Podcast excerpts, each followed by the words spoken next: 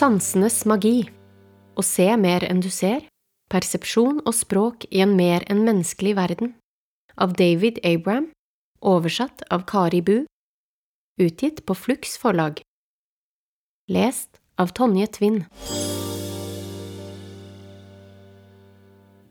Noen måneder etter ankomsten til Bali forlot jeg landsbyen jeg bodde i. Jeg skulle besøke en av de førhinduistiske stedene på øya. Jeg kom på sykkel tidlig om ettermiddagen etter at bussen med turister fra kysten hadde reist tilbake. En trapp tok meg ned til en frodig smaragdgrønn dal omgitt av klipper på begge sider og oversvømt av elvens tale og vindens sang gjennom det høye gresset. På en smal bro over elven møtte jeg en eldre kvinne. Hun bar en stor kurv på hodet og leide et lite sjenert barn.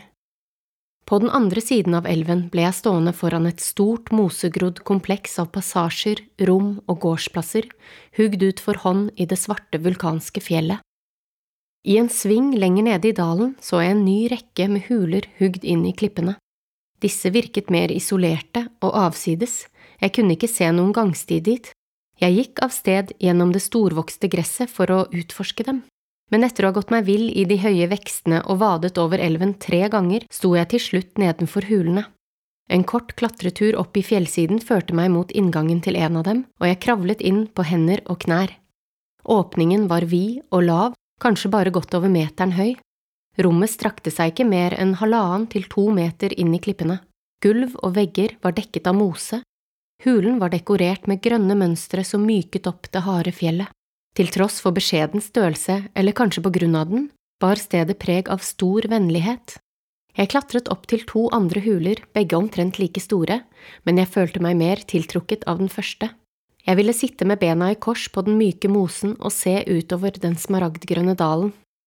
Det var stille der inne, et intimt tilfluktssted hugd inn i steinen.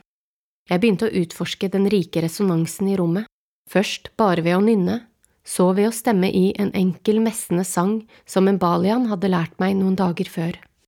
Jeg ble henrykt av overtonene som hulen føyde til stemmen min, og satt der og sang en lang stund. Jeg merket ikke endringen i vinden utenfor, eller skyggen av skyer som formørket dalen. Ikke før regnet brøt løs, plutselig med en enorm kraft, den første monsunstormen. Hittil hadde jeg bare opplevd duskregn på øya. Jeg ble skremt av det strie regnskyllet som sendte steiner nedover klippene. I det grønne landskapet nedenfor dannet det seg først pytter, så dammer. Elven svulmet opp. Det var ikke spørsmål om å gå hjem. Jeg ville ikke klare å gå gjennom flommen tilbake til inngangen av dalen.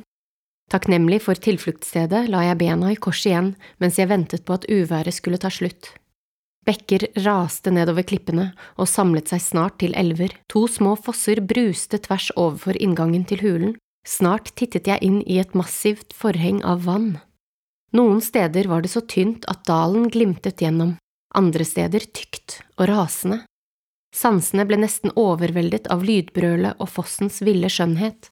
Kroppen skalv innvendig med en rar følelse av å være forseglet inne i dette gjemmestedet.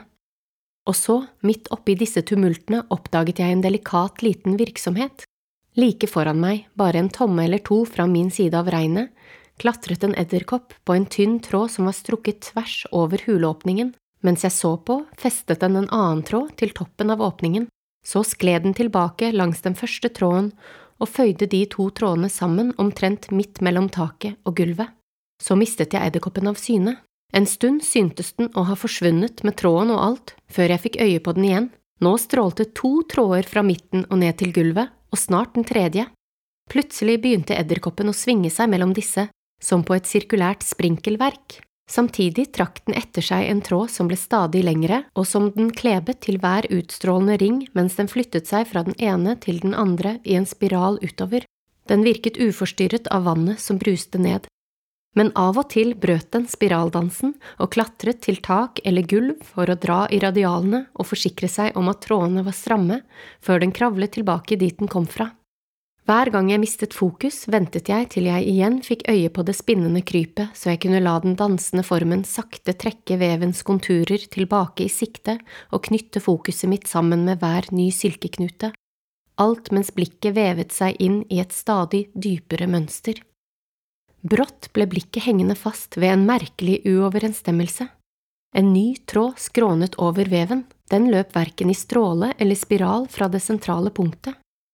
Den forstyrret symmetrien. Jeg fulgte den med blikket og undret meg over hvilken plass den hadde i mønsteret. Da gikk det opp for meg at den gikk i et annet plan enn resten av veven. Så snart denne nye linjen ble tydelig, kom veven ut av fokus. Snart så jeg at den ledet frem mot sitt eget sentrum, omtrent 30 cm til høyre for det første. Dette var et annet nettverk av krefter. Her var det andre tråder som strakte seg til gulv og tak, og jeg så at det var en annen edderkopp som spant denne veven. Akkurat som den første testet den vevens stramhet ved å danse rundt den. Den plasserte silkekryssvevene rundt knutepunktet og beveget seg utover. Edderkoppene spant uavhengig av hverandre, men i mine øyne vevde de et eneste kryssende mønster. Snart avslørte det skjerpede blikket mitt en tredje edderkopp som gikk i spiral ved huleåpningen. Plutselig skjønte jeg at det var mange overlappende nettverk som ble skapt. Som ulike rytmer strålte de ut fra utallige sentre mellom fjellveggene over og under. Noen høyere, noen lavere, noen nærmere øynene mine og noen lenger unna. Jeg satt lamslått, bergtatt foran denne stadig mer komplekse utvidelsen av levende mønstre på mønstre. Blikket sugde seg inn som åndedrett i klyngen av møtende linjer før det pustet ut i det åpne luftrommet og trakk seg ned i et annet møte mellom linjer. Vannbrølet utenfor hadde stilnet. På et tidspunkt prøvde jeg å lytte, men hørte ingenting. Sansene var fjetret, fanget, jeg hadde et klart inntrykk av at jeg så universet bli født, galakse etter galakse. Natten fylte hulen med mørke. Regnet hadde ikke stoppet, men merkelig nok var jeg verken sulten eller kald. Jeg følte meg bare uvanlig fredfull, på kjent grunn. Jeg sovnet mens jeg strakte meg ut på det fuktige, mosegrodde gulvet nær ryggen av hulen. Da jeg våknet, tittet solen inn i dalen, og det høye gresset nedenunder bølget i skinnende blått og grønt. Jeg så ingen spor av edderkoppnettene eller veverne selv. Kanskje de var usynlige for øynene mine uten kaskadene av vann? Jeg følte forsiktig med hendene rundt huleåpningen, men nettverkene var borte. Jeg klatret ned til elven og vasket meg. Så gikk jeg tvers over dalen og videre utover til jeg fant sykkelen som sto og tørket i solen. Snart var jeg tilbake i min egen dal. Siden den gang har jeg aldri møtt en edderkopp uten å føle undring og ærefrykt. Riktignok er ikke insekter og edderkopper de eneste maktene i det indonesiske universet, de er ikke engang sentrale. Men disse krypene var min innføring i åndene, i landjordens magi. Det var disse som først lærte meg om den intelligensen som ligger på lur i den ikke-menneskelige naturen, om fremmede formers sanseapparat og deres evne til å kommunisere og skape, om evnen til å skape en gjenklang som midlertidig feier gamle synsmåter til side. Slik åpnes en verden som er tvers gjennom levende, våken og bevisst.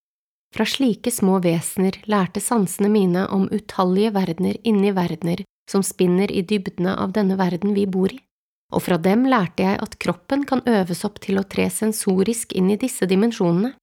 Så intenst hadde edderkoppenes mikroskopiske og presise håndverk finslipt og skjerpet min bevissthet at selve universets fletteverk, som jeg var en del av, syntes å være spunnet av denne gåtefulle kunsten. Sansenes magi. Å se mer enn du ser Persepsjon og språk i en mer enn menneskelig verden. Av David Abram Oversatt av Kari Bu. Utgitt på Flux forlag. Lest av Tonje Tvinn